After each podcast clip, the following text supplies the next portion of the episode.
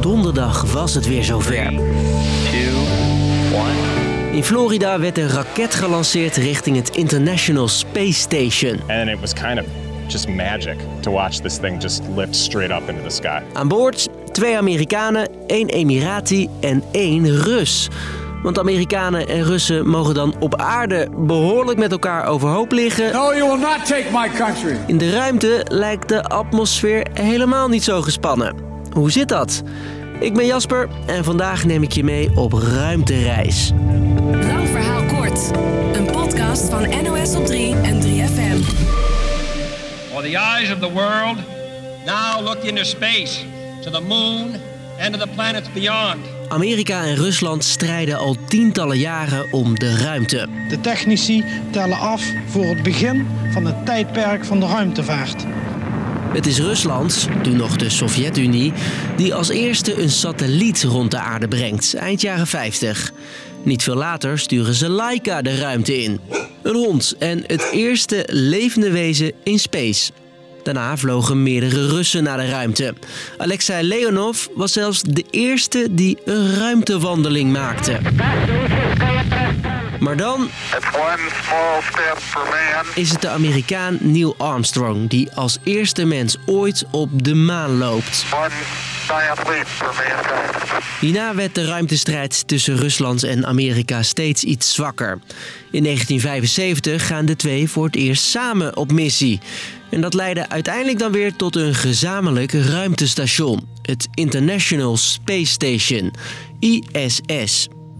Het voorstel voor een gezamenlijk ruimtestation zweefde al jaren rond, maar kwam eind jaren 90 echt van de grond.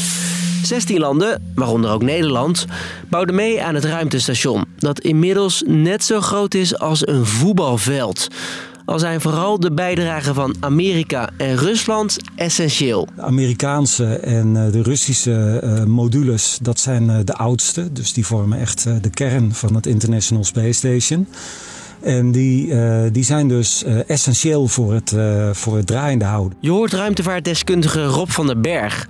Hij legt uit wat die Russische en Amerikaanse modules precies doen. Om ervoor te zorgen dat er lucht is, dat er water is, dat de temperatuur gereguleerd wordt. Maar bijvoorbeeld ook dat ISS ruimtepuin kan ontwijken, zodat het niet neerstort.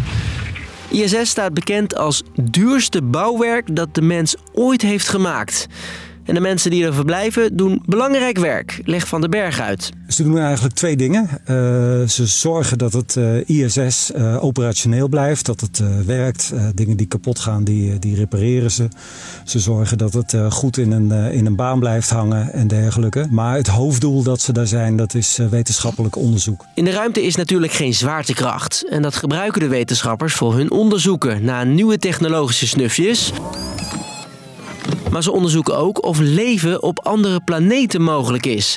En dat begint vaak klein. Eh, hoe gaan spinnen spinnenwebben maken? Eh, dat helpt ons om beter te begrijpen hoe de hele biologie werkt.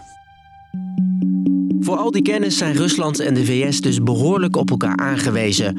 Maar toen de oorlog in Oekraïne begon, zorgde dat zelfs op 400 kilometer hoogte voor ongemak, vertelt deze Duitse astronaut. Sind ja hier oben eine kleine Familie und in dieser Familie Hij was samen met Amerikaanse en Russische astro- en cosmonauten in de ruimte toen de oorlog uitbrak. Helemaal spannend werd het toen de baas van Roscosmos, dat is de Russische NASA, deze zomer dreigde om die Niet mee terug naar aarde te nemen. und das waren natürlich Horrorszenarien. Maar zover kwam het uiteindelijk niet. En hoe gespannen de relatie op aarde ook is, in de ruimte is geen plek voor politiek, zegt deskundige Rob van den Berg. Dan komen de levens van de astronauten in gevaar. Eh, het ISS zelf eh, zou dan moeten stoppen. En dat is nog helemaal niet de bedoeling. Want stoppen met het ISS, dat is voor zowel Amerika als Rusland geen optie. Dat betekent dat je niks meer hebt, terwijl de grote concurrent China hard bezig is met hun ruimteprogramma. De partijen eh, die snappen heel erg goed dat eh, samenwerking gewoon noodzakelijk is binnen het ISS. En eh, ja, laat de geopolitieke storm daar maar lekker buiten woeden. Toch is het de vraag of de Russen en Amerikanen ook in de toekomst blijven samenwerken. Rusland zegt dat ze bezig zijn met het bouwen van een eigen ruimtestation. En tot die tijd willen ze samen blijven werken met, het, met de andere partijen in het ISS. En tot die tijd is de oorlog verboden onderwerp. Er zijn een aantal onderwerpen, daar praat je niet over. Dat is uh, religie, dat is seks en dat is politiek. Dus, lang verhaal kort. Rusland en Amerika mogen dan aardsvijanden zijn. In de ruimte kunnen ze niet zonder elkaar. De landen hebben elkaar nodig om hun onderzoek in ISS voor te kunnen zetten. En om dat ruimste station überhaupt in de lucht te houden. In 2030 wordt het ISS afgeschreven. Het is afwachten of de twee grootmachten daarna blijven samenwerken of elkaar de ruimte geven voor hun eigen luchtvaartstations. Was de podcast weer. Bedankt voor het luisteren. Doei!